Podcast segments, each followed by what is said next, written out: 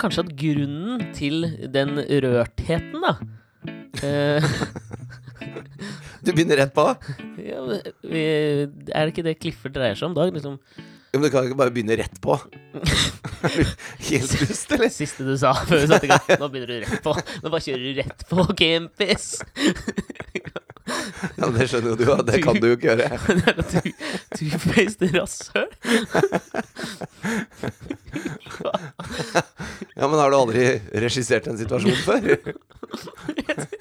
Har har Jo, men jeg føler veldig ofte i sosiale settinger at jeg er regissøren. Ja. Altså, eh, Det der tror jeg er en sånn følelse jeg, det, Den er en sånn det jeg har tenkt på. Tror du veldig mange folk sitter og tenker at de spiller birollen i sitt eget liv? For det har jeg aldri følt. Føler at jeg alltid er i førersetet. Oi, det var dype greier, Alexander. Det må jeg tenke litt på. Det. Dette er ikke forum for å drive og tenke Ja. gjennom ting. Søren, altså, slenger ut sånne eksistensielle tanker sånn straight off the bat. Ja, men du skjønner hva jeg mener? Jeg tror liksom sånn øh, Hvis vi er liksom Alle spiller jo hovedrollen i sitt eget liv. Ja, tror du alle gjør det? I sitt eget liv, ja. Ja, jeg er usikker på om alle liksom har den følelsen Hvis vi husker, altså sånn, Dette har vi prata mye om, den er introvert, utadvendt, uh, utrovert, innadvendt type personene. Så tror jeg altså- det påvirker hvordan du øh, liksom ser omgivelsene rundt deg, Bare du før vi, før, vi, før vi går videre nå, til de av dere som ikke skjønner en dritt av hva dere hører på akkurat nå. Så Forrige uke så eh, hadde Alexander lyst til å fortelle en historie, og så uh, stoppa vi da idet han skulle begynne, og så var det liksom greia at vi skulle fortsette rett på den, da. Mm. Eh, vi kommer dit. Men eh, tilbake til det du snakka om nå. Altså, hvis du har en film, Mm. hvis, hvis livet er en film, ikke sant? Og så kanskje det er andre som tar kontroll over deler av livet ditt som du egentlig har lyst til å ha kontroll over sjøl, eller at Mm. du føler at du liksom eh, plutselig er sånn passasjer i hva som skjer, at du ikke, at du ikke har kontrollen, da. Passasjer i hva som skjer. Onkel P har, har Ja. hatt det som en linje en gang. Skjønner du? Det kan jeg se for meg. Hvis ikke det er Jonny, da. Kanskje Han er Jonny. ikke vass nok til å lage det.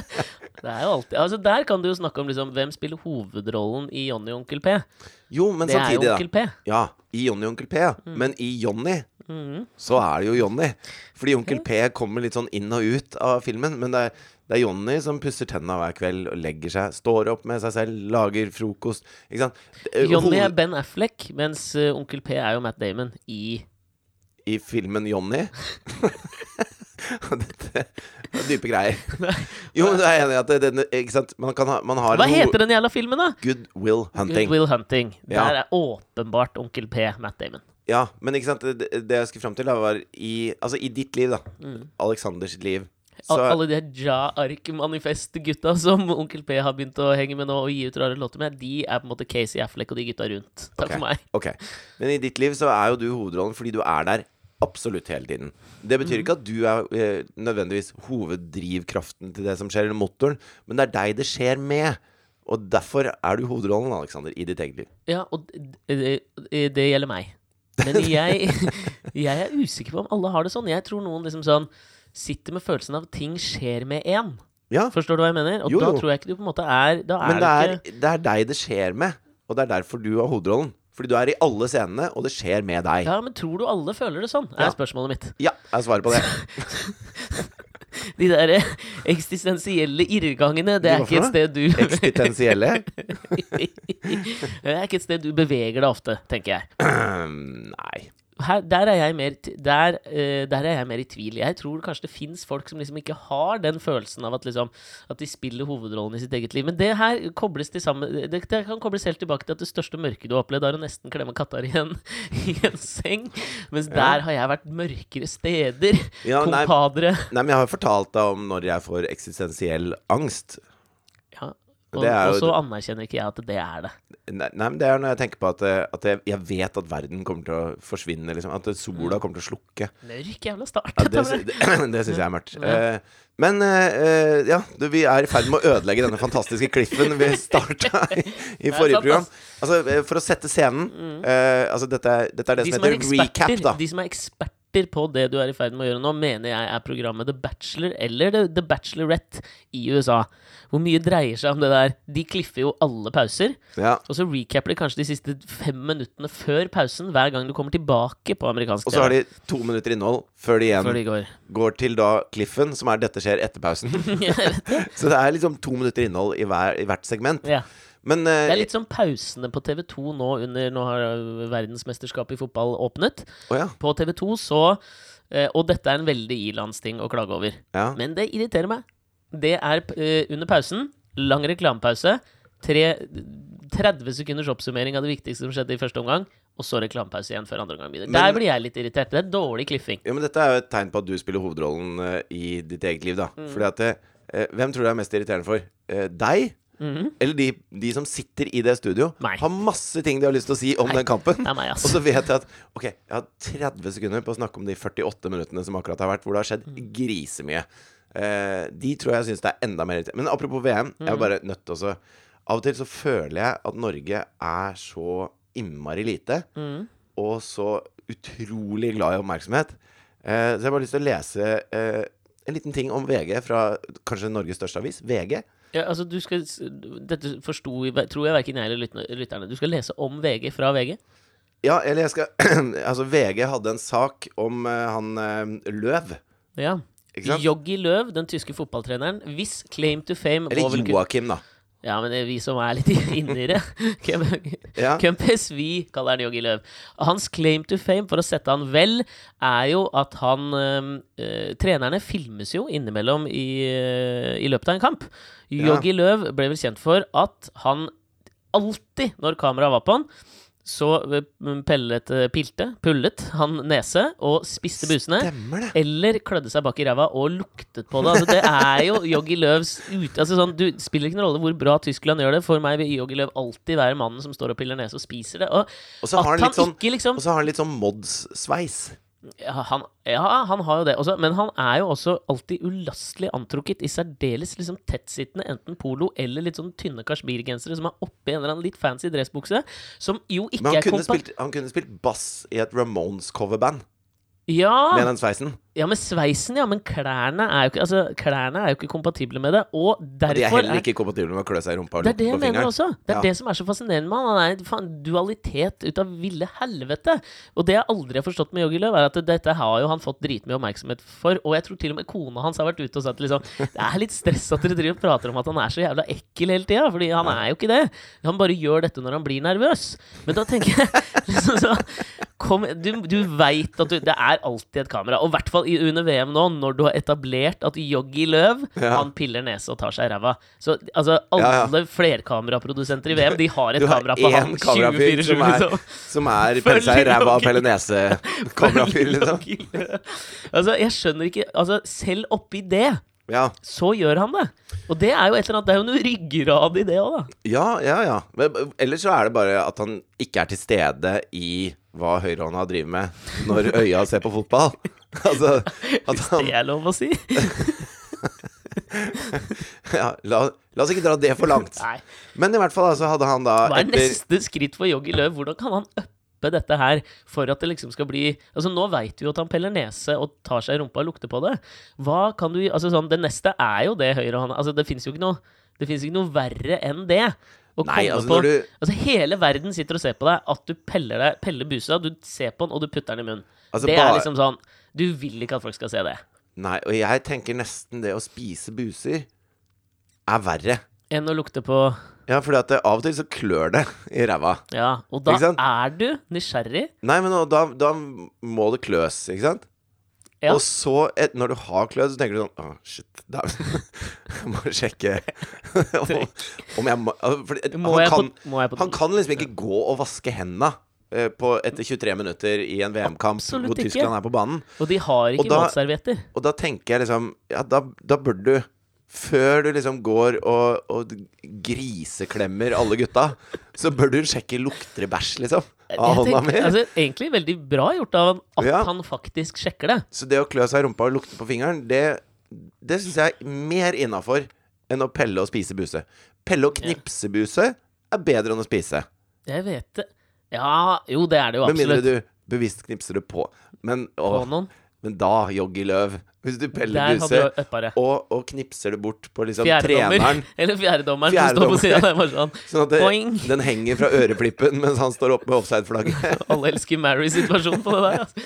det hadde vært fint. Ja, men det, det, for det jeg ikke forstår med han, det er at Én En ting er jo det hvis du klør i rumpa, da. Ja. Og du veit at det er kameraer på deg. Og jeg tror Joggi Løv vet at det er et dedikert buse- og rumpekamera nå fra alle eh, produsenter i VM på Ja. han. Hvorfor Det eneste som er på linje med det der, er hvis du sitter, og så løfter du liksom den ene rumpeballen for, å fise. Ja. Det er det. Eller ja, Hvorfor gjør man det? jeg, Det må jo være for at du ikke får b-b-b-lyden, men at det skal liksom være Du prøver å skjule det. Eh, prøver å skjule lyd, viser visuelt. Ja, men, eh, ja, men altså, hjelper det? Ja, Hjelper det utgangen? Ja, det må jo være litt som når du lager kaffe, så vann leter alltid etter den raskeste veien gjennom gruten, ned i bøtta, liksom. Ja. Det samme tenker jeg Og også for luft vil jo på en måte oppover, så du må presse det ned for at det skal komme Like forvirra liksom. som en promp i en kurvstol. Takk for meg. Jeg er her på Klubbscenen på Latter hver eneste fredag. Ok. okay. Men, Men det jeg jeg ikke, skulle til ja, det jeg ikke skjønner med Yogi Løv, det er Ja. Hvis det klør bak der, så tenker jeg at du har noen valg eh, i prosessen i eh, kløing. ja. Men han velger jo da i sin sirlig antrukkete, tynne kasjmirgenser, som sikkert puster veldig godt, det er derfor han har det på, liksom, liksom blir litt svett og altså, Ja. Det er et bra materiale. Mm. Som er nedi buksa, og buksa er liksom Selvrensende, sier de ofte i butikken at det er. ja, ikke sant? Det er, faen, ja. det er det dummeste jeg hører. Ja, Den her trenger du ikke å vaske, liksom. er, når jeg får den beskjeden, så reagerer jeg på samme måte som når du får beskjed når du er og kjøper jeans, at ikke vask disse her. Ja, ikke vask de for ofte. Bare, ja, skal jeg ikke bruke dem, eller hva, hva er forslaget ditt her? Hvordan skal vi Selvrensende materiale? Nei, det er ikke funnet opp ennå. Lukt på de fingrene her, du. Kall det selvrensende. Det klødde, OK? det er så Det er så den tankeprosessen som foregår hos han når han velger Fordi at det, du kan jo velge bare Han har tynne dressbukser på seg alltid også. Ja. Og da tenker jeg du kan jo liksom bare ta hånda bak og så liksom klø litt der, når du har så tynn bukse, når du ikke har jeans. Men han går alltid liksom ned inni Og så er det sånn det- men Er det, det inni bokser, eller er det liksom sånn ja, fordi at det Altså det er jo større sjanse for at det ikke lukter noe av hendene dine hvis du klør bare utapå buksa. At du har liksom Mm. Hvis det lukter noe der. da må, Da må Ja, du Da holder det ikke å vaske henda. da Det.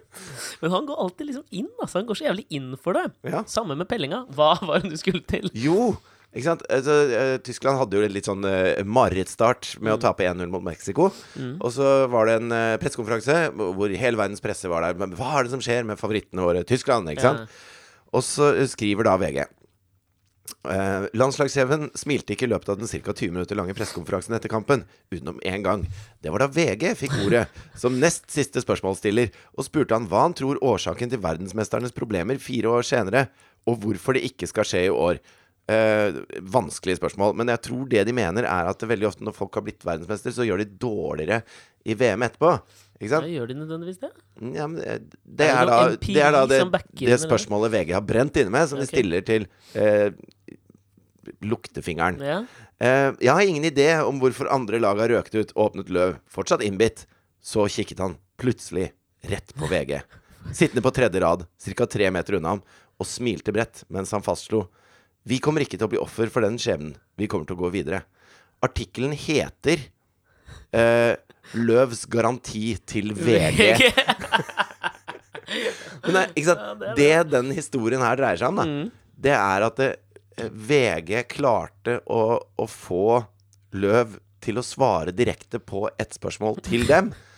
Og det er Det er jo ikke en Det holder ikke. nyhetssak! Nei, Det holder jo ikke. Nei, det holder ikke. Nei. Men uh, det er hvem, er sånn hvem er journalisten? Dette er, ja, men det, det er sånn derre lokalavispreg over det. Som, det er Øyvind Brenne. Ja, Sportssjef i VG, tror jeg. Ja. Kjempestolt. Kom ut så Så du det? Han så rett på meg. Det, jeg, tror søren meg det var eneste gang han smilte, jeg. I den Å, nå vet jeg hva. Men skal jeg si det hvorfor? Her kommer min teori på hvorfor Joggi Løv smilte til Øyvind Brenne. Hvorfor Det er fordi Øyvind Brenne ser nøyaktig ut som Joggi Løv. Han er jo den norske versjonen av Joggi Løv. Har du sett den? Nei. Nei, skal vi google det? Nå kan dere også gjøre det. Google Øyvind Brenne. Ja. Eh, han er helt lik, så det var jo ikke spørsmålet, tror jeg, han smilte av. Men uansett, jeg er helt enig. Det er en veldig sånn Det er oppi rumpehullet-journalistikk. Det Joggi Løv tenkte, var kanskje Altså, nå spiller jeg bass i dette coverbandet, men du kan jo faen meg trommis. Det blir jo dødsbra. Vi ser jo helt like ut. Men, det, men jeg syns det er så søtt med den derre ikke sant? Eh, Alle ler av lokalavisene som skriver om ikke sant? Ja, Mm. nå var altså fetteren til René Selvegger i Sogndalstrand, og Ja. det Hallo, stopp pressen. Mm. Dette, det kan hende han har fortalt René Selvegger om at Sogndalstrand eksisterer. Ja. Og dobbeltside og hopp tjolahei og? Og så ler man Det er litt sånn søtt, da, måten lokalpressen sant? Mm. slår opp sånne ting på.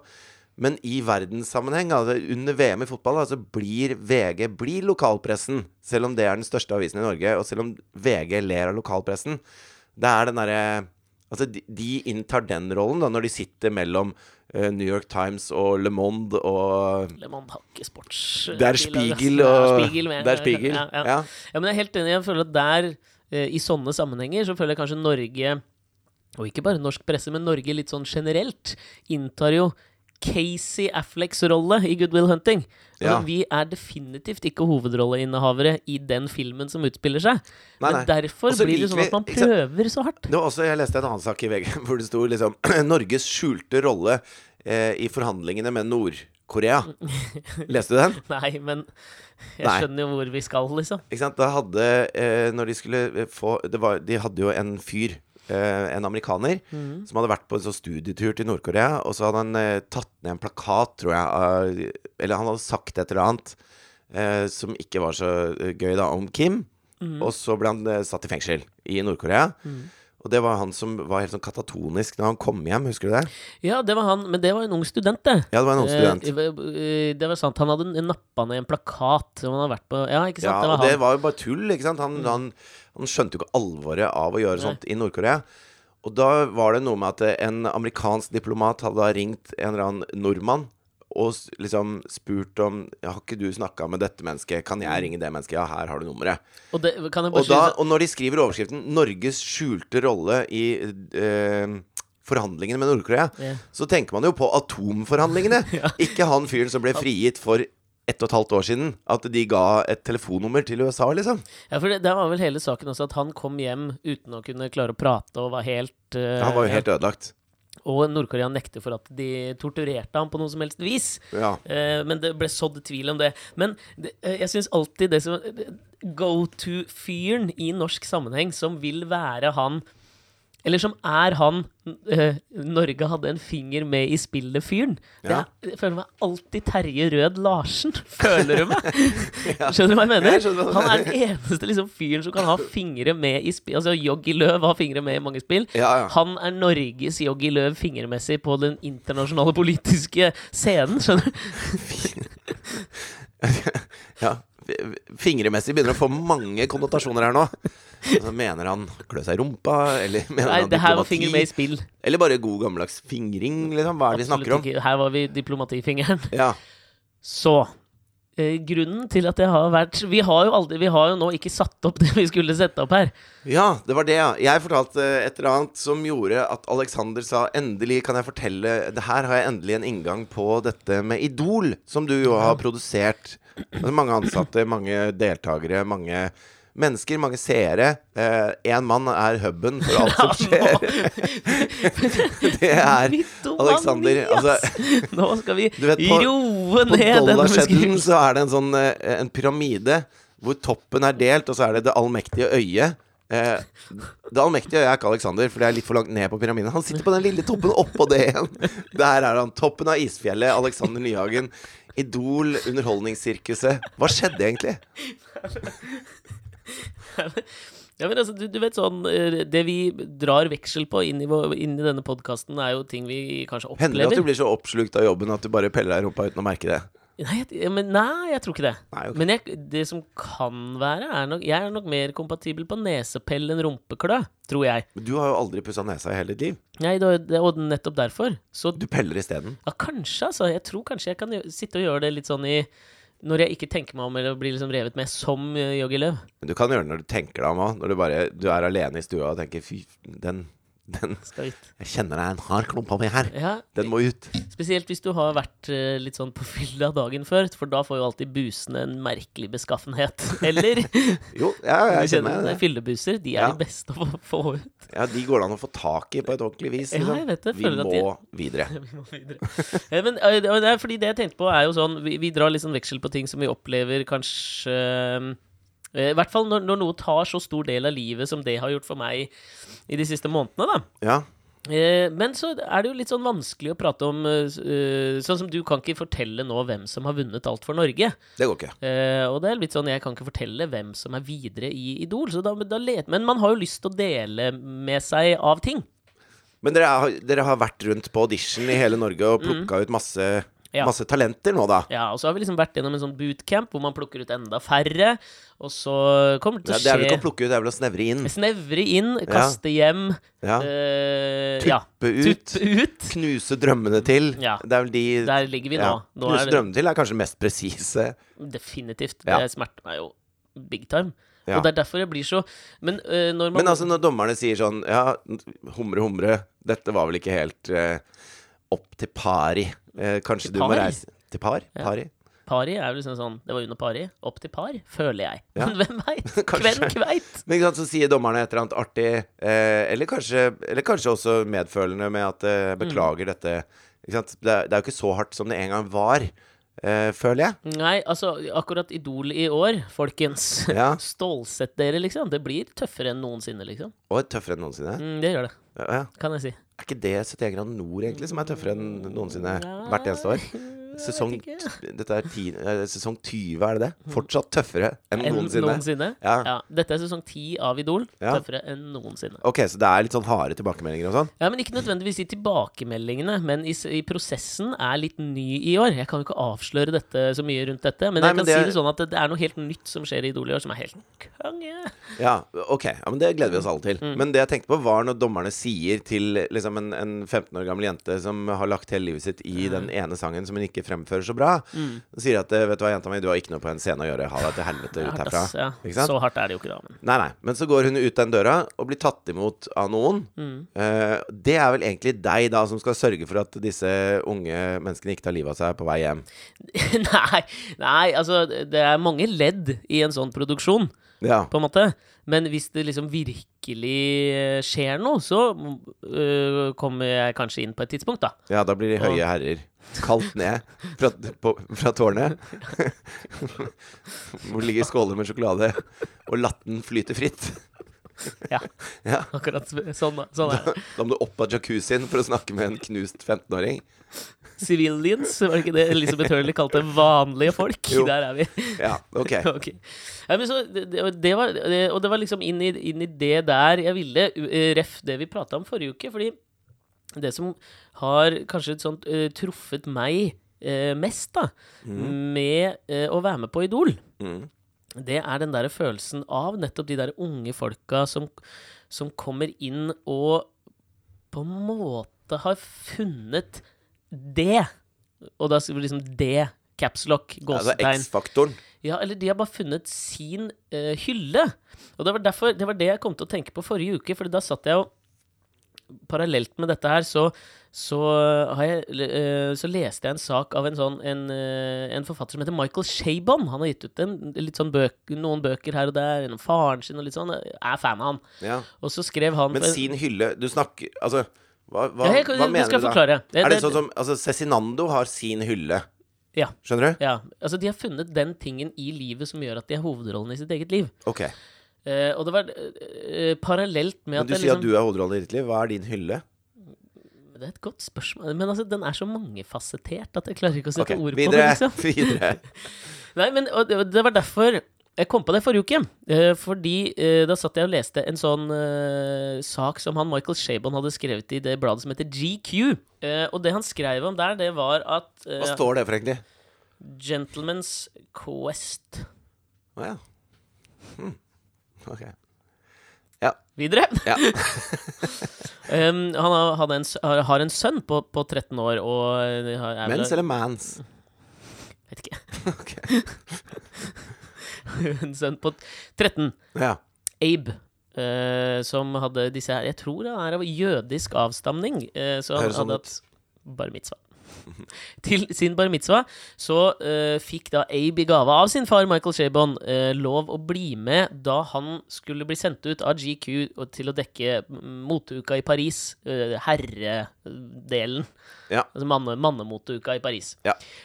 Og Abe, Michael, far, følte at sønn ikke hadde funnet sin hylle. Hvor gammel er sønn? Når det er 13 år. Okay, ja. Men han var søkende. Ja. Og han opplevde sin sønn som så søkende. ja. At han tenkte liksom eh, Jeg opplever deg som at du har lyst til å være med på dette. Det er det du viser interesse for hjemme. Eh, Du er opptatt av hvordan du kler deg, eh, osv. ja. Abe klikker jo i vinkel av å få lov å være med pappa på moteuka i Paris. Altså en bra vinkelklikk. Den nydeligste vinkelen av alle. Pythagoras hadde vært stolt, liksom. Ja. De kommer seg ned der. Eh, Michael Shabon, som jeg da oppfatter som en noe kredibel novelle- og essayist, novellist og essayist, kjeder seg. Det er ikke det mest kongeoppdraget å bli sendt for å dekke moteuka i Paris. Han finner liksom ikke sin take på det, og sliter litt sånn med å levere noe til GQ. Ja. Um, men parallelt med dette så opplever han at sønnen bare Det er fullstendig bullseye. Ok. Han er 13 år og Dette er det står han elsker, liksom? Altså, liksom by far. Ja. Han går rundt og liksom har meningsfulle samtaler med designerne, og han får jo være liksom med backstage. GQ har liksom access på alt. Ja. Og han får være med, og, og, og Michael Shabon ser liksom at det, bare, det lyser i øya hans hver eneste dag. ja. Eh, og jeg blir sånn ordentlig rørt inni meg av hvordan han beskriver eh, sønnens reise inn i det her, da. Ja. Fordi på et eller annet tidspunkt så slutter jo moteuka for menn i Paris. ja. Eh, men Abe vil jo ikke reise. Tror du det var sånn Joshua French hadde det på helvetesuka? Fy faen, Snakk om å ødelegge noe nydelig, ja. Snakk om å Det var i søla! det er ned. Det jeg skal drive med. Faen. Jeg elsker å skyte andre folk i fjeset. Og moren, hans, og moren hans bare 'Å, endelig har han funnet sin hylle i livet'. Joshua, må se, du blomstrer. Josh. Skyt han andre også. Nei, nei. Du, tilbake Dette var jo egentlig Det er jo nydelig. Ja, ja. Joshua, det er ikke nydelig. Men OK, så Ja. greia, han vil jo ikke reise hjem fra Paris. Og så kjenner jo Michael Shabon kjenner på en eller annen sånn melankolsk, kanskje, følelse oppi det her, da. ja. Fordi eh, han har jo liksom merka at sønnen har liksom eh, gått på leting etter å finne hvordan er liksom min hovedrolle, hvem er min hovedrolle? ja. Og så sier som han skriver på et tidspunkt som er bare sånn Da begynte jeg å grine. Da jeg leste det. Fordi det var så også overførbart til det han liksom hadde drevet med i, i flere måneder nå. Som var liksom det at Ja, men nå har du funnet ditt folk. Mm. Og det høres liksom sånn spesielt etter Joshua-digresjonen, liksom, så høres dette her kanskje litt sånn lite og litt teit ut, og kanskje at man legger litt for mye i det, men for, jeg, jeg, støtter, jeg står for det 100 da. At det der er så det er så sinnssykt vakkert, da, når de der øyeblikkene skjer. Spesielt også når du liksom Tenk deg når du er 13 år, da. Eh, og oppi hodet mitt så tenker jeg at dette er, i hvert fall sånn som han beskrives også, en ung gutt som leter både liksom i sin seksualitet og i liksom å finne Finne den hylla, da. Mm. Og så treff, når du da, når du da Det er en sånn prosess alle er midt oppi i den alderen der. ja, det, Og for, altså, for de fleste så varer den jo veldig lenge også, den Livet ut, famlende, kanskje, liksom. letende prosessen. Ja, fordi det, er, det var der liksom pappahjertet mitt kicka inn, da. Ja. Tenk deg det, når du som far har liksom sørget for og lagt forholdene til rette for at sønnen din skal finne det der. Mm. Det er jo én ting. Men samtidig så er han med når det skjer. Mm. Og du ser blomsten komme ut, du- larven, bli, puppen blir til en altså du, altså, du er med every step of the way. Mm. Og han beskriver det så jeg, hvis, jeg tror den ligger på nett, den saken. Bør gå inn og lese den, det essayet. Fordi det, altså for, for meg så er det liksom Det er noe av det nydeligste noen har beskrevet i det å være forelder. Ja. For jeg tenker sånn, Du velger jo ikke dine egne foreldre. Han passa ikke inn i Shaybon-familien. liksom Han passa inn sammen med designere på menns moteuke i Paris. Ja. Og der kommer jo litt den melankolien inn også, da, som jeg begynte å kjenne på sjøl oppi det der. da, Hvor du, eh, hvor du har hilst på masse foreldre som er med de unge 15-åringene på Idol, og de står og backer og heier og vil at barnet sitt skal eh, finne hylla. Kanskje dette er hylla, det er i hvert fall det de vil. Og når de da lykkes og du ser uh, at det, vokser, det våkner i øya, da. Ja. Flammen våkner.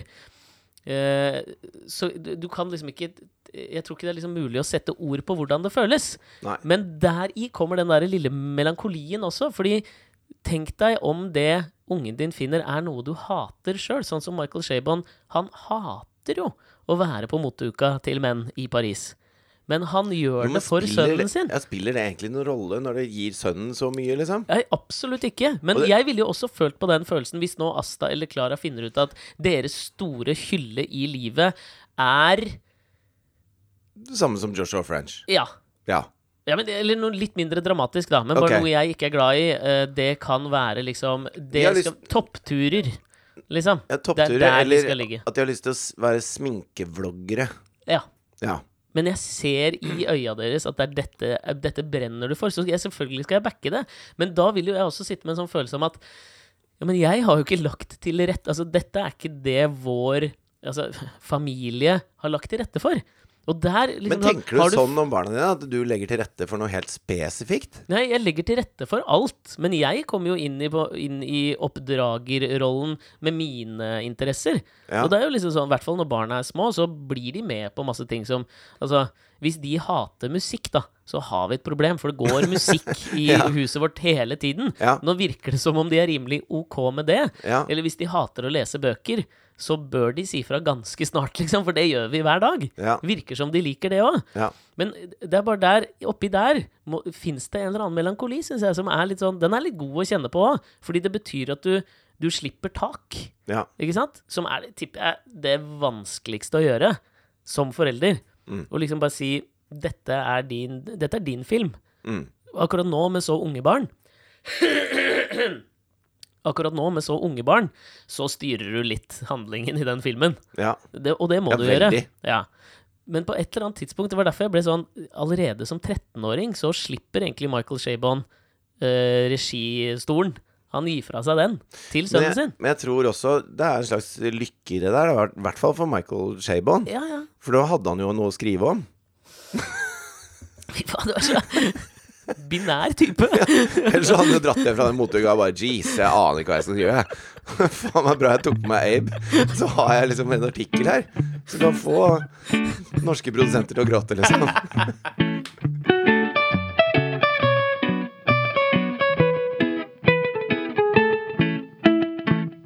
Men jeg tror den, den tingen du snakker om, å gi slipp, og det at barna eh, For altså, nå har vi jo begge små barn, ikke sant? og de har én type rolle eh, for, i, i familien. da Og så kommer man jo dit hvor de blir eldre, ikke sant? De, de flytter hjemmefra. Og så kommer man dit hvor, hvor rollene da plutselig blir sånn snudd. Ikke sant? Hvor eh, Det er jeg sikker på at eh, du, du også har med din far, på en måte. Hvor det er noen ting du føler at det, Nå må jeg snakke litt med pappa om Ja, ja. dette. og få han til å skjønne at det, sånn her er det faktisk. Ikke sant? Og da, da, får, da tar man jo en slags sånn en voksenrolle da, overfor sine egne foreldre. Og det er jo, det er jo liksom den tredje, den tredje bøygen, og den syns jeg det er mer melankoli i, da. Hvis du skjønner? Ja. Altså, eh, faren min har jo vært veldig syk veldig lenge nå. Og det eh, har jo Det er masse greier. Men i hvert fall, han tryna jo på sykkel for noen år sia. Og det har liksom utløst en sånn eh, En ganske lang, sånn tung periode for han. Hvor det har vært vanskelig å komme seg tilbake og, og bli mobil igjen. Da.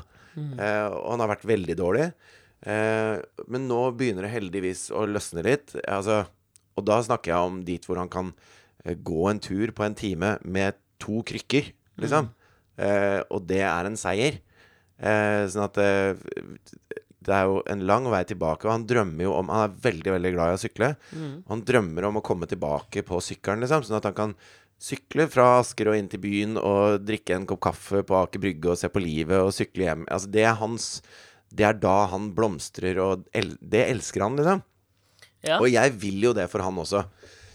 Men samtidig så er jeg jo livredd. Fordi at eh, det med å ha min kjære far på en sykkel da, er eh, risky business. Det har jo bitterlig erfart nå, ikke sant. Altså eh, Hvis jeg tryner på sykkel, hvis jeg brekker noe, så gror det. Og så, og så er jeg tilbake på beina ganske fort. Men, men han begynner å bli en gammel mann, sånn at det, er, det skjer jo ikke med han. Det tar noen år, ikke sant. Og så har jeg, eh, så har jeg eh, tenkt på hvordan, hvordan kan vi løse dette her. Og så har jeg hatt sånt eh, en tanke om en elsykkel som har en sånn to hjul foran og ett hjul bak, ikke sant? Og det er jo de feteste elsyklene, de som har den derre kassa foran, Ja. ikke sant? For da kan du legge masse greier oppi. Du kan dra på butikken og legge masse greier oppi, og så, og så er det stødig, sånn at eh, når du stopper på rødt lys, så, så kan du bare stoppe og ja, sitte trenger ikke ta der. foten nedi. Nei, ikke sant? Det som jeg går alltid har fint, da. slitt med, for jeg rakk jo aldri ned fra noen sykler. Og så tenker jeg at det, det, er, det funker bra. ikke sant? Da, da kan han jo allerede nå begynne å få litt vind i det lille håret som er igjen, og sykle utover og, og, og være med på livet igjen. da. Ikke være han som er så dårlig. Um, og så snakker jeg med pappa om dette her, og så, og så hører jeg at det er, det er helt uaktuelt. Fordi at han, han vil ikke ha støttehjul, ikke sant. Mm. Og for meg, da, altså, det er Jeg skjønner jo det også. Men jeg skjønner Ja. det- ja. Der kommer jeg der, Det er mye melankoli i det, da. For ikke bare er jeg da sønnen som sitter og skal fortelle pappa hvordan jeg mener han bør gjøre ting. Men det, det er Men også et, for det er sånn, foreldre det er å nederlag for han Ja. å måtte innrømme at eh, jeg trenger støttehjul. Mm. Og det, det syns jeg det, det er en vanskelig fase, syns jeg. Jeg, vet, tror, jeg eh, skjønner akkurat hva du mener. Men så tenker jeg at den er nesten sånn Jeg tipper den er vanskeligere for foreldre å godta egentlig enn barna. Fordi det å måtte ta på seg ansvar, det tror jeg I hvert fall du og jeg, da. Nå skal ikke jeg være sånn sykt generaliserende, men det å ta på seg ansvar tror jeg ofte er lettere enn å gi fra seg. Jo, men samtidig, Spesielt jeg vil at har- han skal være far. Ikke sant? Eh, og, og jeg syns det er jeg, altså det er ikke noe, jeg, jeg har ikke noe problem med å ta på meg ansvar. Og, og på en måte Nei, men nå må du høre her, pappa. Mm. Det går fint. Men det gjør også vondt når man gjør det. Fordi at det, man, man kødder med den rollefordelingen det egentlig skal være, hvis du skjønner. Ja, du bytter aldri hovedrolle i midten av en film, hvis du ikke er særdeles eksperimentell filmskaper, liksom. Mange har prøvd på det, men det har vært vanskelig. Mm. Det som er sånn fascinerende oppi uh, den praten her nå, det er akkurat Eller syns jeg, da, det er det som dreier seg om uh, på en måte sånne mm, Hva skal vi kalle det? Melankolske følelser. Jeg husker jeg, eh, jeg skrev Da jeg gikk på Litvit, på Blindern, så skrev jeg en sånn avslutningsoppgave om et eh, dikt av John Keats som heter 'Ode til melankolien'. Og da dykka jeg, liksom, da dykka jeg dypt ned i både liksom, den eh, patologiske historien til ordet melankoli, og hva det betyr eh, mer sånn praktisk. Ja. Fordi jeg syns ofte at vi, Sånn som når vi prater om melankoli nå, så er det jo i utgangspunktet med litt sånn negativt fortegn at det er noe litt trist eller noe litt mørkt over det. Ja. Men det er jo noe trist over melankoli. Absolutt. Men det som jeg merker at jeg sånn fort glemmer når jeg prater om melankolske følelser, er at det, melankoli dreier seg jo ikke bare om det. Det dreier seg også om at det er liksom et Det er et lys, da. Det er en eller annen kontrast i det. Mm. Og det, liksom, det er der, sånn som han skriver i det diktet hvis jeg, altså, Nå parafraserer jeg, men det er noen sånne passasjer. Det med å burst joy's grape. Eller at melankolien dwells with beauty that must die. Altså, i, det, I de to liksom, linjene så handler det om at det egentlig er noe som er jævlig vakkert og fint, men som du vet at er flyktig, og som kanskje må dø. Ja, altså det er, en, det er jo deilig med ting som er ekte, liksom. Og, og når, du, når du kjenner på en, en Altså, det er, det er noe ekte ved en melankolsk følelse. Det er kanskje de ekteste følelsene, Ja. tenker jeg. Det og skam. Skal- også er en veldig Ja. ekte følelse. tett relatert til melankoli, da, mener Ja. jeg. Fordi at der har du eh, du, du beveger deg på en måte i ytterpunktene av følelsesspekteret, tenker jeg. Men, men skam har jo også en annen Altså, skam er jo også en drivkraft. Jeg, jeg tror det er kanskje en av de sterkeste dri drivkraftene i mitt liv. Skam? Ja. Eh, altså Du vet sånn eh, Altså, jeg liker ikke å Altså, eh, sånn type Hvis jeg har kommet hjem litt tidlig fra jobben, og så har jeg sovna, eksempel, Mm. og så blir jeg vekka av, av livet som foregår rundt meg, av at Katrine kommer hjem med Jonathan, eller ikke sant At jeg Oi, nå jeg, jeg burde ha gjort noe annet enn å ligge på sofaen og sove. Det er en, det er en skam Det er en skam i det at uh, jeg la meg ned og sovna på sofaen, liksom. Skjønner du hva jeg mener? Ja, jeg, ja. Ikke, ikke, altså det er ikke noe sånn Det er ikke skam på den måten at man, man eh, blir deprimert av det, men det er, men det er liksom den derre Det at man har lyst til å ikke være Jeg har ikke lyst til å gjøre ting jeg skammer meg over. Det er en kjempestor drivkraft i livet. Ja. Du har lyst til å være flink, liksom. Og hvis du ikke er flink, så hvis jeg ikke er flink, så skammer jeg meg litt. ja, jeg skjønner hva du mener. Der her ligger ikke jeg, ass. Hvis jeg, hvis jeg står opp og så, sammen med Jonathan, og så er det liksom oppvaskmaskinen er full, og det ligger en, en vask på gulvet på badet, og det er rotete, liksom. Hvis jeg da eh, setter barne-TV foran han, og så setter jeg fotballkampen fra i går foran meg selv, så lager jeg en kaffe til meg og en bolle med grøt til han, og så bare sitter jeg der Ja. i halvannen time, da skammer jeg meg. Liksom, da, ikke noe prakteksemplar av arten her nå. Ikke sant? Og, så, det, så da gjør jeg ikke det, da. Da rydder jeg isteden. Og det er, det er så mange situasjoner som er sånn skamfremkallende for meg. Altså, bare det altså, Helt ned til at når man er på do selv, og, og bommelom, liksom, ja. og så lukter det litt dritt, så skammer jeg meg litt. Nei, Jo, men, jo, men skjønner, skjønner Nei. du ikke hva jeg mener? Der, der stoppa det. Jeg var, frem, jeg var var med helt fram til det. Du skammer deg over at Shit At det lukter dritt. liksom.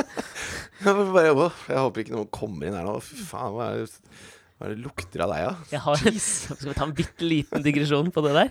Jeg, har, jeg er inne i en litt vanskelig sosial Jeg har tydeligvis inngått, litt ufrivillig, en merkelig sosial kontrakt med en jeg jobber med nå. Ok? Eh, For der jeg jobber, så er det eh, Dofasilitetene er ikke så, Det er ikke så mange. Det er, liksom, det er én do, Ja. Og den ligger ute i gangen. Der er jeg veldig annerledes fra Løb. På Løp, det der. ja, yes, ja. Han skammer seg ikke så mye. Han står foran Altså- millioner av seere og lukter på julefingeren sin. Liksom. det, er, det er ikke drivkraften hans i det hele tatt. Nei. Men jeg har jo da øh, vært i en situasjon nå hvor Fordi der er det sånn at det er veldig sånn tydelig når du går inn og ut, og så må du måtte stå utenfor i gangen og vente hvis det er noen på do. Ja. Uh, og for noen uker siden så øh, opplevde jeg det der at en øh, kvinnelig kollega hadde vært på den doen mens jeg sto og venta. Ja. Og så ser du det i øya på dem. Ja, at de bare åh, Skal nei, inn der nå, skal liksom? noen inn der nå? Ja. Ja. Og akkurat det delte jeg, for jeg gikk inn der etterpå. Det var ikke noe hyggelig, det hun hadde drevet med der inne. da Nei. Eh, Den skammen så jeg uenig, så tenkte jeg sånn OK, jeg lar det Det får gå. Kommer ikke til å se på deg med samme blikk noensinne igjen, men det får gå. Ikke sant? Ja, men det, det må jo være lov å, å gå på do. Helt enig, så det er ikke noe jeg har liksom ofret så mye tanke. Det verste jeg vet, er når man bare må pisse, Mhm. og så kommer man inn, og så lukter det helt uh, morgena igjen. Og så står det noen andre utenfor. Ja, dette, liksom. og så, og så Da prøver jeg å være så kjapp at alle skjønner at dette kan ikke være han. Og så passer du på å ikke ta ned lokket, for da tenker de ja, OK, du har gjort det her. Ja. Men det som skjedde med hun her, da, var jo at jeg så jo skammen i øynene, så tenkte jeg sånn Dette skal jeg aldri prate om noe sted. Utenom i podderen. Eh, men Utenom i dette offentlige Ja. mediet. Men det som er så sjukt, da, er at hun og jeg har tydeligvis helt samme liksom syklus når det Ja. gjelder å gå på do. Så akkurat det der har skjedd tre ganger siden den første gangen. Så fjerde gang så er det liksom sånn OK. Hun bare, hun bare rister på huet når jeg står utenfor. Jeg sånn, OK, nå kjenner du meg inni, liksom. Og det er så fælt, for jeg føler virkelig at jeg, liksom, er på innsiden av tarmene hennes. Skjønner du hva jeg mener? Ja. Jeg har smakt med de der flanellene bak på tunga på alt hun har spist den siste måneden. Å nei. Takk for meg. Men, synes, er, Men er dere, føler dere at dere er der at dere kan prate om Nei, det uten at det er melankolsk og Nei, skambelagt? Fordi, fordi vi er, jobber ikke i samme redaksjon og er ikke tett. Så det er liksom bare sånn Vi er dus, men Ja. ikke noe mer. Og det der er Så du kan ikke liksom eh, Litt før du må på do, da, Mm. gå og bare Absolutt ikke. Kan ikke du si ifra, så går jeg først i dag, liksom? Nei, ikke det he vi er ikke der i det hele tatt, liksom. Det er så fælt. Ja. Så jeg, liksom, jeg vurderer hver gang jeg skal gå på do nå, så liksom sjekker jeg liksom Er jeg klar i bane nå? Ja. Ja. Men uansett, jeg synes det, det med det er at skam på en måte motiverer deg, så tror jeg nok jeg ligger mer på en eller annen sånn Jeg kom til å tenke på en historie som, er liksom, som ligger litt mer i det der landskapet rundt melankoli, møter Men føler du at melankoli kan være en drivkraft? Ja, absolutt. Hvordan da? Fordi du, um, du, Det er du helt, dette er et helt fremmed konsept for meg. Ja, er det det, eller? Ja, det er det. Det er litt sånn Keats, forlengelsen av Keats, da, så er det jo, jeg tror jeg det handler litt om uh, uh, lengsel. En stor del av melankoli mener jeg er lengsel. Hvis du, hvis du liksom burster Joy's grape, så har du smakt på joy. Ja, Men det er blitt bursta. Det var bra norsk akkurat her nå. ja. Men da, når du da ligger i det kanskje i, det, i den mørkere det, du, det du snakker om med å burste Joyce Grape, ja. Det er liksom den følelsen av når du tar en, en drue i munnen, og så tygger du, og så på et eller annet punkt så tåler ikke skallet mer. Så smaken liksom eksploderer i munnen. Ja. Ja. Og da lengter du tilbake til det øyeblikket rett før du bursta den grapen. Ja. Eh, og det tror jeg kan være en sånn bra drivkraft. I hvert fall. Og for meg så er det liksom Det eh, handler litt som om en eller annen For annen livet er vel mer Det er ikke en steinfri drue. Det er, det er en stein i den drua. Ja, Og når du er tygger på den, så får du liksom alle tanninene fra Mm. det. Og så, og så er det ikke bare joy lenger. Ikke i det hele tatt.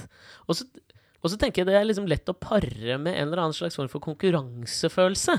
At du liksom Du trakter sjøl etter eh, å komme tilbake til pre-burst. Ikke sant? Ja. Og så har du, eh, sånn tenker jeg for meg, at jeg har lyst til å druens Humpty Dumpty. ja, det er akkurat det! Eh, og så har du lyst til å komme dit først, før noen andre. Jeg bare leste Jeg tror kanskje dette er en sånn velkjent anekdote, men nå skal jeg prøve å bygge den opp dramaturgisk riktig. Spennende. Eh, om en musiker som var med i et eh, rockeband. Ja. Eh, og ehm, de begynte å få litt traction Mm. i verden. Ja. Det begynte å skje litt greier, og Ballen gode. Ballen begynte å rulle. Ja. Eh, altså, druen var på vei mot kjeft. ja. Eh, og, og på en måte litt sånn rett før den bursta, så fikk han sparken fra det bandet. På en litt sånn ubehagelig måte. Rett og slett bare kitta ut. Du er ikke god nok til å bli med på denne burstinga, kompis. Pete Best, liksom. Eh, Pete Best, men vi dreier dette her men det er nøyaktig samme historie som Pete Best. Ja. Nesten, bare. Ja. Pete Best sin historie er litt mørkere, det er derfor jeg velger denne. Okay. Um, og det han uh, gjør da, er at det, da treffer du melankoli, da, tror jeg, i en følelse. Men samtidig pares, pares den med en sånn, et konkurranseinstinkt hos han, som er sånn Nå skal jeg faen meg vise dem. Ingen kaster meg ut av et band. Jeg er konge. Så han prøver jo å samle sitt eget band. Og uh, han setter så høye krav til alle de musikerne som skal komme og spille med, så det blir dritvanskelig å komme inn i hans nye band. Ja. Fordi han skal vise dem. ja. Ikke sant? Ja, ja. Jeg tror du veit hvem jeg prater om allerede nå. Det begynner å demre. Jeg har i hvert fall et forslag. Ja, ikke sant? Eh, Jeg tenkte jeg skulle spare navnet, skjønner du. Helt, Ok. ja. Men han får nå satt sammen eh, et band som blir kongebra. ja. Uh, og fyren vi prater om, er Jeg tipper Dave Mustaine. Dave Mustaine. Megadeth. Band, bandet han lagde, er jo Megadeth, som Ja. blir jo kanskje pionerer i hardrock. Ja, men Bandet han ble sparka fra, var Metallica? var jo Metallica. Ja. Så han vil jo alltid liksom Altså, Megadeth når jo ikke Metallica noen Nei, gang. og det, og det kommer de aldri til å gjøre. Ikke sant? Og det er Altså, Dave Mustaine er den evige nummer to, da. Mhm. Mens James Hetfield er han som har eh, X-faktoren, han som har hylla. Ja, Ikke sant? Mens Dave Mustaine sin hylle er at han skal prøve å slå J uh, Hetfield. Hetfield. Og, men det er der, det er der Fordi der tror jeg det ligger liksom sånn Og det er aldri en stødig hylle, da. Men der tror jeg liksom drivkraften hans For si hva du vil, hvis, du ikke, hvis ikke han hadde sammenligna seg kontinuerlig med Metallica, Ja, så hadde jo livet til Dave Mustaine vært eh, kongebra. Altså, Men- tenk deg å starte Megadeth og oppleve den suksessen, liksom. Det, det er, er dritbra. annet. Altså, jeg var jo ordentlig fan av Megadeth. men, sånn, var- men han har jo bursta Joyce Grape. Han har vært i nærheten av å burste Joyce Grape. Og da, kan du, da er det kun melankoli som liksom blir forbundet med Nei, han, han var med på Kiwi med handlevogna, Ja. og så plukka de ut de druene. Mm. Og så betalte de for de druene, og så dro de hjem, og så legger Hetfield de druene i skåla. På bordet, liksom. Mm. Og så setter de på Lars tar en drue. Lars tar en drue. altså, ja. Og så rett før det er Dave sin tur, Mm. så sier de Dave, jeg tror, jeg tror dette var det. Mm. Jeg tror vi kaller det Dan nå. Eh, Tenk det, du. men, men eh, det verste er at eh, og, og når, du, når du bare altså, Musikk er så mye følelser, da. Mm. Hvis du isolert sett, helt uten historie eller noe visuelt inntrykk, hører på Megadeth, Mm. så høres det ut som dette funker, liksom. Dette, dette er bra greier. Ja. Og det syns jeg veldig lenge. Men han var aldri den derre Fordi motoren der er feil, liksom. Mhm. Så, eh, så alltid når du, når du På festivaler hvor jeg har sett det, eller til og med når jeg, jeg så det på Sentrum Scene, gleda meg som faen. Hadde liksom sittet nede i kjelleren og spilt alle låtene fra fra liksom den Countdown to Extinction-plata, da. Som var stor for meg en periode. Mhm. Og så har de med seg et oppvarmingsband som var Pantera. Mm. Som jo er intuitivt eh, grisefett, liksom. Jeg hadde aldri hørt før. De går på og varmer opp, og jeg Du sier bang i hodet mitt, liksom. Jeg bare Dette er Du var Abe på Paris Men's Fashion Week. Yes! Dette var verdens beste band. Det Mm. fantes ingen tøffere person enn Phil Anselmo. Jeg barberte begge sidene av hodet Det gjorde du, altså. i Oslo før jeg dro hjem, Ja. liksom. Eh, og, og bare var helt sånn der instant blodfan.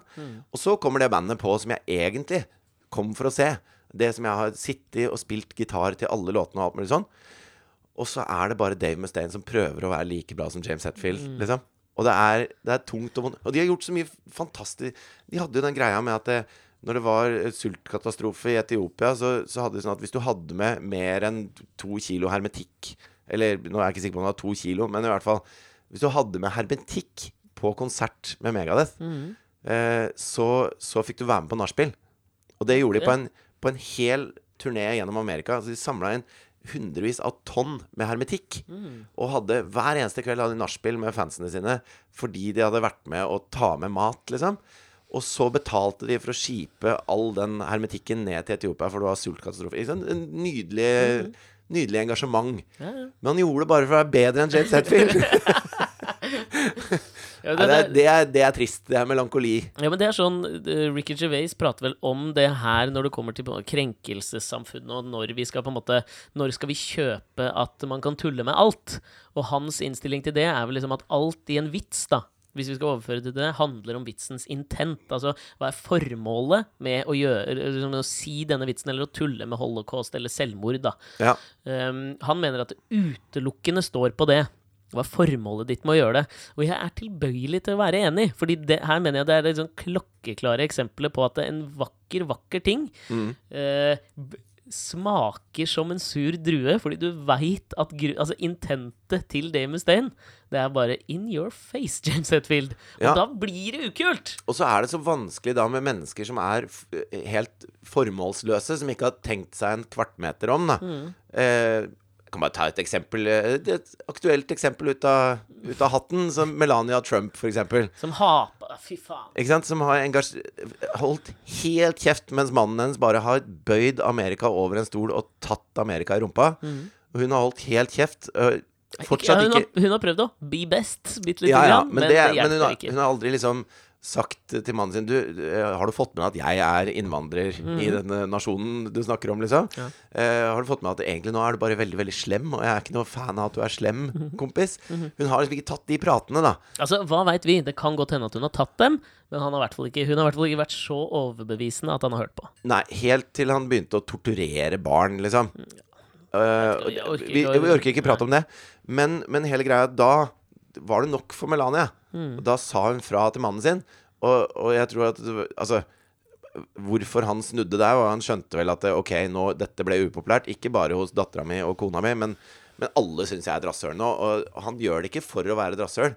Han gjør det bare for å være, få oppmerksomhet, tror jeg. Altså, han, han elsker å stå for upopulære ting, men hvis alle syns at han bare er ond, da går det over grensen selv for han. Og det gidder han ikke. Men dette er vel på en måte noe som er orkestrert av Satans far, Stephen Miller. Ja, ja. Så jeg tror det på en måte Jeg tror ikke han er såpass hands on at han liksom Ok, sånn Vestkystfascisten, som vi kaller han. Ja, ikke sant? Men jeg bare føler ikke at han er så hands on at han liksom har fått med seg at dette skjer. Nei. Så han får et memo fra noen i Det hvite hus, som stort sett, eh, ifølge rapportene, er bilder, fordi han orker ikke så mye tekst. Så Mm. har det på et eller annet tidspunkt må det jo ha vært noen som har en eller annen slags form for moralsk gen i ryggraden sin, som viser han et bilde av et barn som står og skriker etter foreldra sine. Ja. Og da tenker han ja, det er ikke så fett. Jeg tror faktisk Steven Miller tenker Yes, nailed it. Tenker jeg. Ja. Men, men eh, det jeg skulle fram til her, da, det var at eh? Og så reiser da Melania ned til eh, eh, Texas, ned til grensen, for å vise at dette bryr jeg meg om. Og så tar hun på seg den jakka som henger ytterst i skapet, liksom. Ja, og på ryggen av den jakka så står det I really don't care. Do, you. Altså, Ikke sant? si Men- hva du vil. Du kan, altså sånn, en Men jakke fra Sara. vært- Det er mote. Hadde ikke vært på moteuka i Paris, men allikevel. Nei. Og, det, og, og hun har jo fått masse pepper for å gå med altfor dyre klær, så dette er et billig plagg, da. Og jeg tenker det var sikkert en motivasjon. Og det dette. tenker jeg var hennes drivkraft for å ta akkurat den jakka. Eh, hun glemte å lese hva det sto på ryggen når hun skulle ned til den katastrofen som er der nede, liksom. Men noen må jo lese på den jakka. Ja, men, men hele greia er at det, hadde det vært et menneske Et menneske med formål mm. kunne helt fint gått med den jakka der nede, og, og så hadde det vært et spark Og alle hadde skjønt dette er et spark til de som ikke bryr seg, eller Mm, ja, dette er, ikke sant? Mm. Det hadde fått masse innhold, da, den jakka. Men når hun går med den jakka, så er den helt innholdsløs. Og så tenker alle bare Er du helt tjukk i huet, liksom? Ja. Fordi at det, jeg vet at hun ikke tok på den jakka for å si at jeg driter i barn som gråter. Alle vet det. At det var ikke derfor hun tok den på. Men alle syns da at hun er helt tett i pappen, som ikke klarer å tenke en kvart meter. Hun har fått mye pepper for å gå med dyre ting.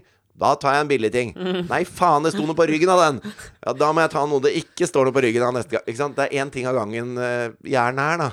Ja, men det er jo også noe Men hvis Ricky Gervais hadde gått nede Mm. i, på denne barneleiren på grensen til Mexico Mm. med en jakke 'I really don't care, do you', så hadde det vært et innlegg i debatten. Mm. Alle hadde tenkt 'OK, hva er det han mener her?' Han mener sikkert dette. Dette må vi spørre han om. Han går ut og prater. Ikke sant? Han gir det innhold. Han har et formål.